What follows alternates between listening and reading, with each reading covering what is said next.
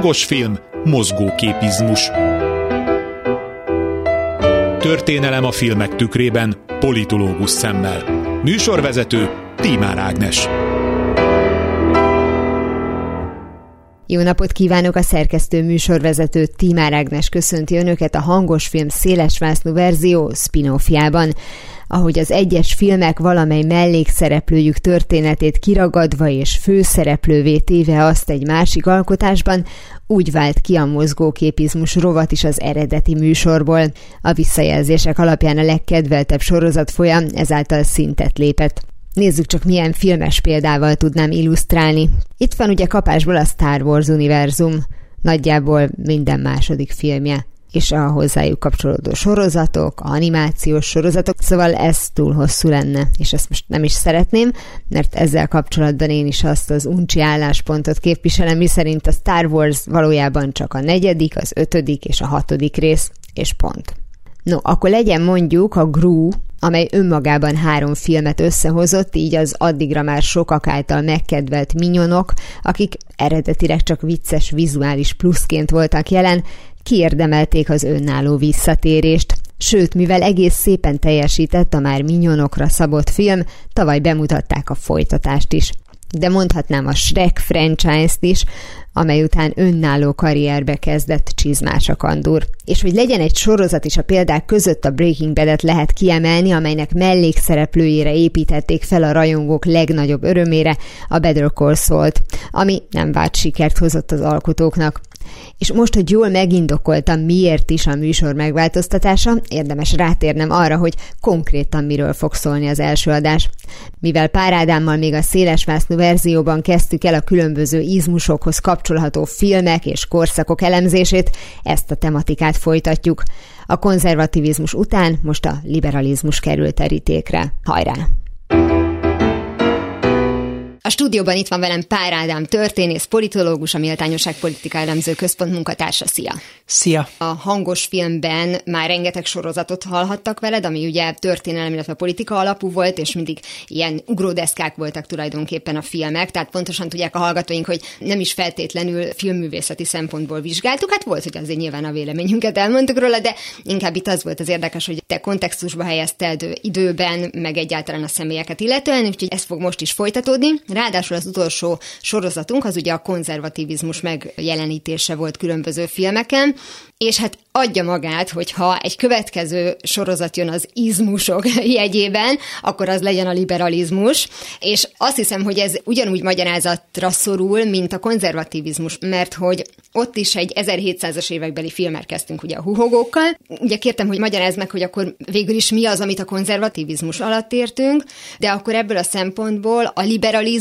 az nem azt jelenti, hogy mindenki azt csinál, amit akar, hanem mondjuk kicsit hasonlót. Ugye? Hogy a kicsit hasonlóval nem lőttem nagyon mellé? Sőt, nem csak, hogy mindenki nem csinálja azt, amit szeretne, vagy amit csak úgy akar, hanem a liberalizmus a 18. század végén és a 19. század elején kifejezetten egy olyan eszmeáramlat volt, amelyik egy alkotmányosságon, alapuló politikai közösséget akart létrehozni. Ebbe beletartozik a közteherviselés, a törvény előtti egyenlőség, a jobbágyság megszüntetése, tehát a jobbágy felszabadítás, az emberi jogoknak a képviselete, szólás, sajtó és vallás szabadság, tehát milliónyi olyan dolog, ami napjainkban természetes, de a 18. század végén nem volt természetes. Legalábbis a politikában nem.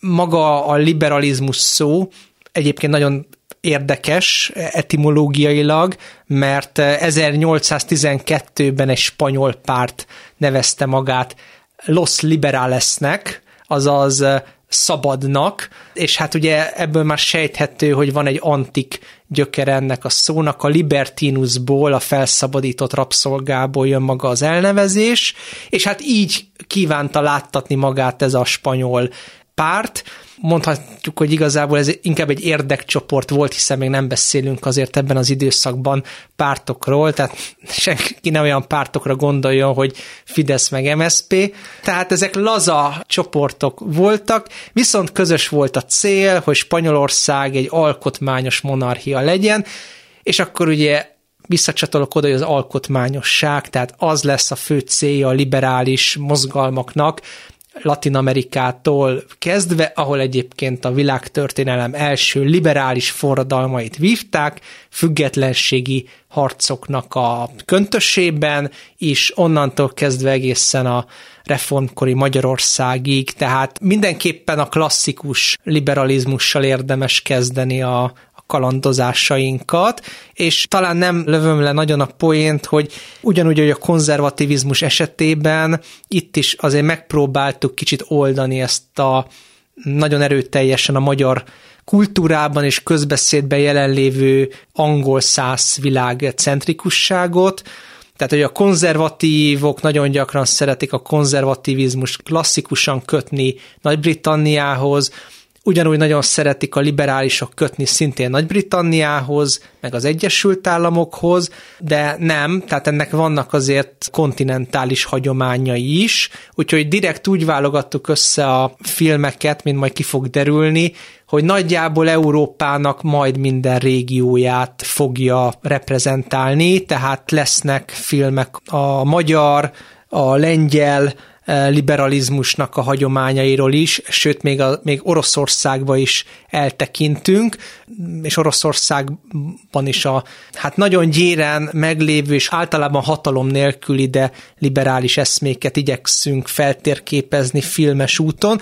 Úgyhogy a lényeg tehát az, hogy nagyon sokféle irányba kalandozunk így földrajzilag. Mielőtt még az első konkrét filmünket vennénk, arra szeretnék visszakanyarodni, hogy azt mondtad, hogy az alapja az tulajdonképpen az alkotmányosságra való törekvés. Ez nem volt feltétlenül napirenden a konzervativizmus esetében, vagy akkor még más jellegű mondjuk államformákról vagy berendezkedésekről beszélünk, és ugye, hogyha a liberalizmust most ebben az időszakban, tehát a 18.-19. században nézzük, leegyszerűsíthetjük arra a fajta szabadságvágyra, hogy bizonyos népcsoportok vagy nemzetek más nagyobb államokba tartoztak bele, tehát lényegében az összes függetlenségi háború, ahogy mondtad, gondolom akkor a többi is ilyen liberalista érdek mentén kezdődött, tehát hogy ez a bizonyos alkotmányosságra való törekvés, ez hogyan értelmezendő ezen belül? igen, ehhez még hozzá kell tenni még egy fogalmat, a népfelség eszméjét, vagy népszuverenitást, aminek szintén ugye gazdag eszmetörténeti hagyománya van, de most az egy szövevényes politikai Azt filozófia, úgyhogy azt, azt most nem menjünk bele, de Russzónak a neve gondolom mindenki számára ismert, tehát lényegében, hogy a népnek magának joga van eldönteni, hogy milyen kormányzati formát szeretne, ez mondjuk Russo népszerűsítette ezt az elméletet, és ugye ebből logikusan következett az is, hogy amennyiben egy kormányforma zsarnoksággá fajul, tehát megsérti a népnek a jogait, akkor jogában áll a népnek azt a kormányzatot leváltani. Persze most ugrik a majom a vízbe, hogy oké, hogy nép, de a nép az egy nagyon absztrakt fogalom, tehát kitértünk a népen. Hát a 18. században és a 19. század elején, de így lesz ez még nagyon sokáig, a nép az bizony kapaszkodjon meg mindenki, a liberálisok számára is, a jómódú, tanult férfi. Senkit nem értél meg, főleg az utolsó szóval. És akkor ebből már sejthető, hogy a liberalizmus nagyon-nagyon lassan és fokozatosan fogadta el a demokráciát. Tehát az az elf, hogy hogy mindenkinek szavazati joga van, aki betöltött egy bizonyos életkort, és nem áll szabadságvesztés, büntetés vagy közügyektől eltiltás hatája alatt, vagy nem elmebeteg, tehát nem áll cselekvőképességet kizáró gondnokság alatt, hát az bizony nagyon lassan tört magának utat. Szóval a liberálisok és a konzervatívok nagyon gyakran azért közösek voltak abban, hogy nem akarták a tanulatlan néptömegek kezébe adni a hatalmat. Természetesen a liberálisok között is voltak kivételek, például John Stuart Mill támogatta a nők politikai egyenlőségét, és egyébként a munkások választójogát is. Viszont ugyanez a John Stuart Mill azt mondta, hogy egy barbár nép számára az önkény uralom, a gyarmatosítók által megvalósított önkény uralom, az hasznos lehet. Tehát szóval itt azért ellentmondások vannak. Mm-hmm. A nyugat-európai liberálisok nagy részének nem volt túlzottan kifogása a gyarmatosítással szemben, gazdasági érdekből. De például a reformkorban Kossuth Lajos magától értetődően elutasította a gyarmatosítást, meg, meg Szemere Bertalan, na de miért? Hát azért, mert a magyar perspektívából nézve Ausztria is egy gyarmatosító hatalom volt. Most tudjuk a történelemből, hogy egyébként nem, tehát egyébként egészen más volt a viszony, csak akarom mondani, hogy a politikai zsurnalisztikában ez nagyon gyakran megjelent, hogy Ausztria nem engedi fejlődni a magyar ipar, tehát lényegében gazdaság politikájában majdnem ugyanazt viszi végbe. Tehát most bármit gondolunk erről, ez volt az akkori felfogás. Na ezzel akarom csak ezekkel a példákkal illusztrálni, hogy tehát nagyon-nagyon divergált azért a liberalizmuson belül is az álláspont egyes politikai kérdésekben. Ez mennyiben volt válasz az én kérdésemre, mert ugye az alkotmányosságra gondoltam. Ja, igen. Igen, tehát a népszuverenitásra akarok visszakanyarodni, igen. tehát hogy a, hogy a nép maga választja meg a hozzá illő saját karakteréhez illő kormányformát, és a nép az nagyon gyakran leszűkült a tanult jómódú férfiakra, akikből állt ugye a törvényhozás, meg a végrehajtó hatalom, mert hát ki másból is állhatott volna. De Természetesen tanult nők azért elég gyakran majd ki fog derülni, hogy részt vettek a liberális mozgalmakban, sőt, a liberalizmus is nagyon gyakran összefonódott a szélesebb társadalomnak a szociális tömegmozgalmaival, alá jobbágy felszabadítás Magyarországon, amelyik egy tömegbázist nyújtott tulajdonképpen a 48-as reformoknak. Ugye még volt a kérdésedben az is, hogy a konzervatívok hogyan álltak uh-huh. ehhez. Hát a konzervatívok ugye a francia forradalom időszakában úgy értékelték, hogy a forradalmárok erőszakosan szétvernek egy meglévő berendezkedést, amit ők egyébként a maguk szemszögéből nézve szintén úgy fogtak fel, hogy alkotmányos, vagy hogyha nem is használták ezt a szót, de azt mondták, hogy az is egy törvényes rend, tehát tulajdonképpen ők a forradalmat tekintették zsarnokságnak. Mm. És hát későbbiek során meg ugye kialakult az a szemléletmód Európában, hogy a forradalmaknak a túlzásainak a lenyesegetése az a konzervativizmusnak a feladata. De most nyilván más volt a helyzet Nagy-Britanniában, mert Nagy-Britanniában a 17. században már győzött egy forradalom, kialakult egy brit parlamentarizmus a maga két pártrendszerével, korlátozott parlamentarizmusával, egyébként szintén nagyon szűk választójogával, mert jó egy százalék alatt volt a választó polgároknak az aránya. Tehát egymást válaszgatták meg. Hát az, az túlzás, de majd, hogy nem. És hogy lassan tört magának utat az, hogy a 19. század közepén második felében úgy szépen lassan a liberálisok és konzervatívok elkezdtek egymás felé közeledni, abban az értelemben, hogy egy idő után az újonnan létrejött nemzetállamokban a konzervatívoknak is el kellett fogadniuk a megváltozott status quo, tehát hogy új államok vannak, új törvényekkel, új alkotmányjal, meg hát ugye menet közben megjelent a harmadik harmadik testvér, a legkisebb királyfi, ugye a szocializmus is, ami már eléggé komoly kihívásokat jelentett, legalábbis az iparosodott országokban. Ugye a konzervativizmust már a hangos filmben kitárgyaltuk, ezt azért mondom csak el újra, mert hogyha valaki mondjuk ezt a beszélgetést megelőzendő szeretné egyfajta ilyen előzmény történetként meghallgatni azt, az természetesen a honlapon, illetve a podcast felületeken meg tudja mhm. tenni, uh-huh. még a hangos film boxában. De akkor most maradjunk még a,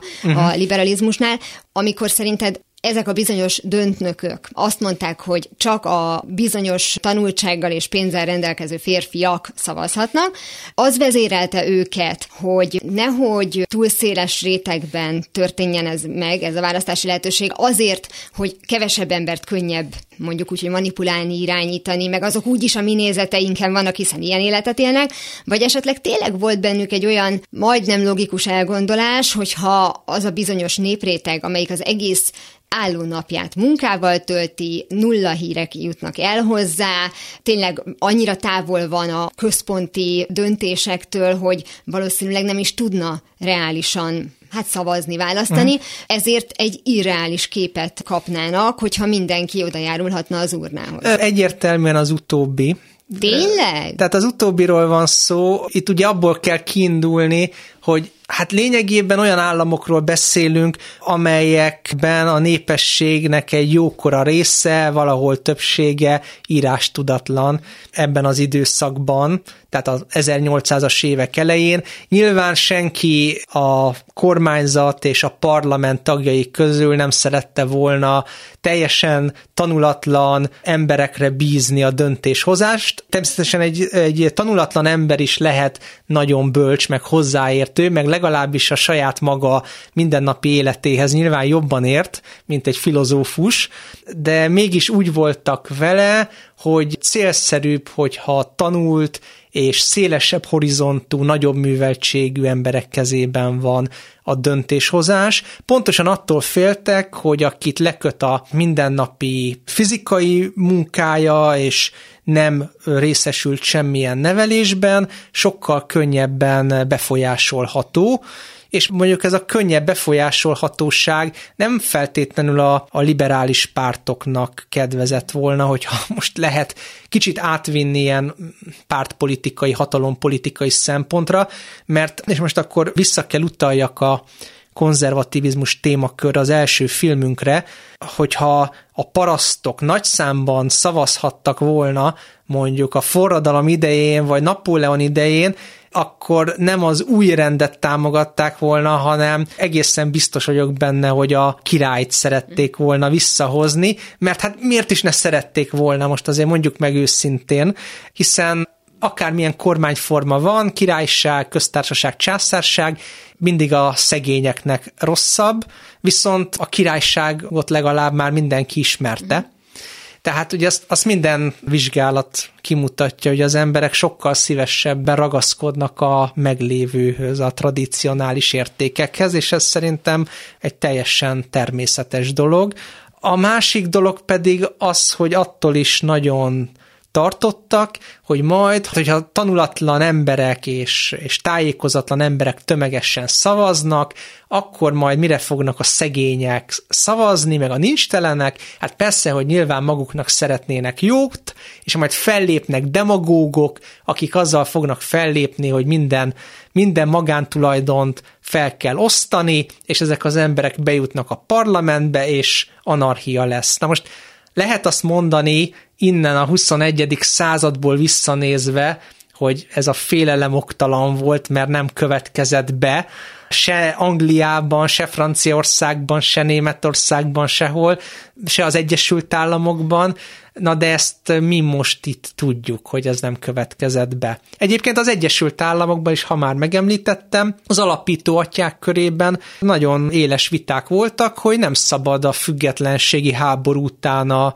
a nagy tömegeket beengedni a politikába. Volt olyan ember, aki meg is fogalmazta, hogy ne lehessen elnök az, aki nem ér legalább százezer dollárt, azaz nincsen ekkora vagyona. Ugye délen, délen a vagyonba beleszámított a rabszolga is, akkor megint egy újabb témánál vagyunk, Igen. hogy tulajdonképpen a liberális berendezkedésű Egyesült Államokkal összefért a rabszolgasság is, és akkor ugye még ott van a nőknek a helyzete, hát igen, az már egy nagyobb vagy nehezebb kérdés, hogy például a vagyonos nőket és egy bizonyos tanultsági szintet elért nőket miért nem részesítette a, a liberalizmus a választójogban, de hát ugye úgy fogták fel, hogy a nő majd, hogyha szavaz, akkor kinek a intencióját fogja követni, hát nem szabad akaratból fog szavazni, hanem majd a apja, meg a, meg a férje, hogyha van, majd megmondja, hogy kire kell szavazni, és akkor persze arra fog szavazni. Most erre is lehet mondani ilyen nagyon éles feminista retorikával, hogy ez egy borzalmasan atavisztikus és retrográd gondolkodás. De nem. Szerintem ugyanannyi férfit találhattunk volna, aki egy másik férfi véleménye alapján szavaz. Jó, csak azt mondom, hogy eleve a, a nőknek az a fajta kiszolgáltatott helyzete, ami még a magas rangú családokban is előfordult, úgy lettek szocializálva, hogy vagy az apjukra, vagy hogyha egy másik férfihez tartoznak, tehát ő valakihez tartozik, uh-huh. hát akkor nyilvánvalóan apu, vagy majd a férjem ő tudja, hát én meg miért folynék bele? Tehát abból a szempontból nyilvánvalóan antifeminista gondolkodás, hogy miért ne adnánk meg a nőknek a lehetőséget, de jogos az elgondolás, hogy sajnos ebben az időben a nőknek az lett volna a természetes, hogy akkor is a férjük vagy az apjuk után menjen. É, igen, ugye amikor 1931-ben bevezették a köztársaságot Spanyolországban, akkor is nem akarták megadni a nőknek a választójogot, ahogy meg is fogalmazta egy baloldali demokrata politikus, hogy a nőknek szavazati jogot adni annyi, mint 7 millió analfabétának szavazati jogot adni, akik majd szépen visszahozzák a királyságot, és akkor, Jó, ez már viszont egy igen, kicsit erős, köszönöm szépen. Igen, és akkor még csak annyit ehhez, hogy végül nagyon csekész szavazat arányjal megszavazta a parlament a nők választó jogát, és egyébként a következő választáson valóban egy erőteljesen jobboldali többségű parlament is lett, de nyilvánvaló ez nem emiatt következett be, hanem amiatt, hogy például vidéken a parasztasszonyokat hát ki befolyásolta, hát hol találkoztak, ki befolyásolta, hát nyilván ugye a pap, és nyilván ugye az egyház nem szívelte az antiklerikális politikájú köztársaságot, tehát hogy mindenkinek megvan a maga kis szűk igazsága ezekben a politikai kérdésekben, és hogyha semmi mást nem érünk el ezekkel a beszélgetésekkel, csak azt, hogy megértik az emberek, hogy a politikai táborok logikájában, ellen meg rokon szemvekben mindenkinek van legalább valami méltányolható érve, akkor szerintem már nagyon sokat elértünk. Egyébként az, hogy a lányok mondjuk az apjukkal hogyan állnak, és hogy követik-e a véleményét, vagy sem. Na, arra például majd az első film, amiről beszélünk, az mindjárt egy nagyon jó példa lesz, mert rögtön szembesülünk azzal, hogy van egy olyan társadalom, meg korszak, amikor a, a nők, sőt a fiatal lányok lesznek a nemzeti érzésnek, meg a nemzeti irodalomnak az első támogatói, vagy az első támogatói között vannak. De nagyon rá akarsz kanyarodni az első filmre, pedig én még akarok kérdezni egy valamit. Uh-huh. Nem tudom, hogy láttad a Hercegnő című filmet, Nem. a Kira Knightley játszotta, ugye tulajdonképpen azzal próbálták eladni, hogy Diana egyik felmenője, de hát szerintem annyira összeforrott az arisztokrácia az Egyesült Királyságban, hogy valójában mindenki mindenkinek valahogyan a rokona. Uh-huh. Arról már korábban beszéltünk, hogy bár a nők később szavazhattak, viszont előbb voltak megválaszthatók, hogyha éppen arról uh-huh. volt szó. Így van. És hogy mondtad, hogy miért nem akartak mondjuk választójogot adni egy felvilágosult, tanult, magasrangú nőnek, és éppen az jutott eszembe, hogy ő önmagában is ranggal bírt, egy idősebb, befolyásos, szintén ranggal és vagyonnal bíró férfi, akit a Reference játszott, vette feleség, végül. A házasságuk rendkívül nem volt boldog, de most ez a mi szempontunkból uh-huh. lényegtelen, az övékből lényegesebb volt, de a, ez a bizonyos hercegnő a szeretője által belekerült a politikai életbe, uh-huh. és nagyon sokszor felszólalt, mert a szeretője közrendű volt, uh-huh. Ő viszont arisztokrata. És ott egy nagyon érdekes helyzetet láttunk, hogy csak azáltal, hogy tudták, hogy ő arisztokrata, a férfi hiába jól beszél, hiába jó szónok, csak közrendű, a nép őt tapsolta ott a piac téren, tehát uh-huh. nem egy válogatott közönség volt. Uh-huh. És ez ugye biztos, hogy szándékos volt a dramaturgia, tehát nem az volt, hogy na, tapsoljanak neki, mert neki nagyobb a kalapja, hanem hogy ezek szerint a rang az egy picit mégis megelőzte a, a nemet. Igen, hát persze, nyilvánvaló, hogy arisztokrata vagy királyi család nőtagjának lenni, az egy kicsivel nagyobb befolyást gyakorló képességet jelentett, ha bár nem feltétlenül minden esetben, tehát ott is megvoltak azért annak az életnek a sötétebb oldalai, de nyilván a politikai érdekérvényesítésben, ha valaki rátermet volt és akart, akkor sokkal könnyebb volt, és különösen, hogyha a férje még bohém volt, és rá is hagyta mondjuk az uralkodást, vagy a döntéshozatalt, akkor meg ugye végleg. Mondhatod, hogy tulajdonképpen minden kis közösségben volt valaki, aki mondjuk úgy, hogy véleményvezér. Uh-huh. Tehát a családon belül a családfő, a közösségen vagy községen belül a, a pap, vagy akár mondjuk a tanító, vagy ez a kettő lehetett egy is akár. Igen. Tehát, hogyha nem tudod, hogy mit gondolsz, majd megmondják neked, hogy mit gondoljál. Uh-huh. És ennek van egy nagyon-nagyon csúnya hozadéka. Most láttam egy felmérést, tehát ez a, a mostani Magyarországról szóló, uh-huh. más európai országokkal uh-huh. összehasonlítva. Nálunk a legmagasabb a származási hely által való befolyásolásnak a mértéke, ami most így nem mond semmit, de valójában azt jelenti, hogy ha valaki mondjuk ugye hat éves koráig, amíg nem kezdi el az iskolát, alapvetően a saját közegében van, uh-huh. azt az értékrendet fogja megtanulni, legyen az egy gazdag kislány kisfiú, vagy pedig hát mondjuk egy vidéki, esetleg roma származású, és a mellette lakó szintén roma családok kultúráját is ismerő gyermek. Bekerül hat évesen az iskolába, és míg minden normális európai országban minden gyerek hat évesen egyformának számít, ugyanazt az alternatívát fogják kapni az iskolától, magyarán azt látják, hogy ja, hogy nem az az alap, ahogy én élek, vagy amiben én éltem, hanem az egy változat, és van még egy csomó minden. Ehhez képest Magyarországon, amiben te beleszülettél, uh-huh. az adott iskolában azt fogják erősíteni. Tehát, hogyha most nagyon sarkítani akarnám, ha egy roma kisgyerek bekerül első osztályba, ő lesz a roma kisgyerek. Uh-huh. Míg más európai országokban, akármilyen kisebbség, semmilyen szinten, sem a tanárok, sem a gyerekek nem érzékeltetik vele, és ezt egy grafikonon uh-huh. mutatták, és nem picike volt az eltérés, hanem ez a jelenség szinte kimutathatatlan más országokban, hát nyilván a skandináv országokban meg egyáltalán nem, és nálunk meg egyszerűen kiugró. Tehát, hogy azért a rasszizmust azt tanuljuk, tehát nem születik valaki uh-huh. rasszistának, hanem olyanná válik, és hogy egy egész rendszer teszi mondjuk azzá.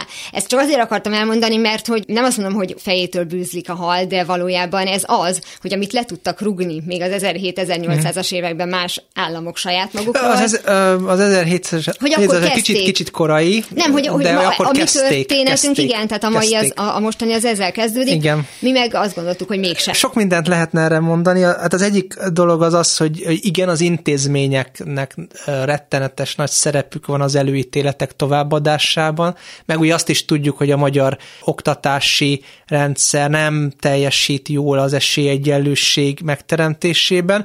A másik dolog pedig, amit a méltányosság politika elemző központ gyakran kutat, megmond, és ezért is örülök, hogy ezt felvetetted, hogy tulajdonképpen Magyarország de most mondhatnám a régiót is egy másik fázisban van, mint Nyugat-Európa. Hát nyilván a skandináv országokhoz képest meg végleg, ha bár megjegyzem, hogy 1980-as évekig Svédországban és Finnországban nagyon nagy hátrányt jelentett száminak lenni. Mm-hmm. Az kb.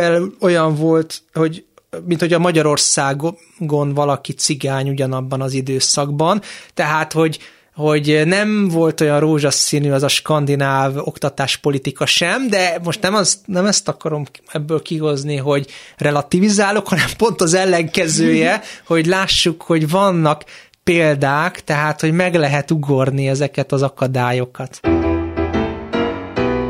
Olyannyira tartottuk magunkat a műsor koncepciójához, miszerint a filmek csak kiindulási pontként jelennek meg, hogy amint hallhatták a Hercegnő című dráma megemlítésén kívül más alkotás elemzésére most nem is volt alkalmunk.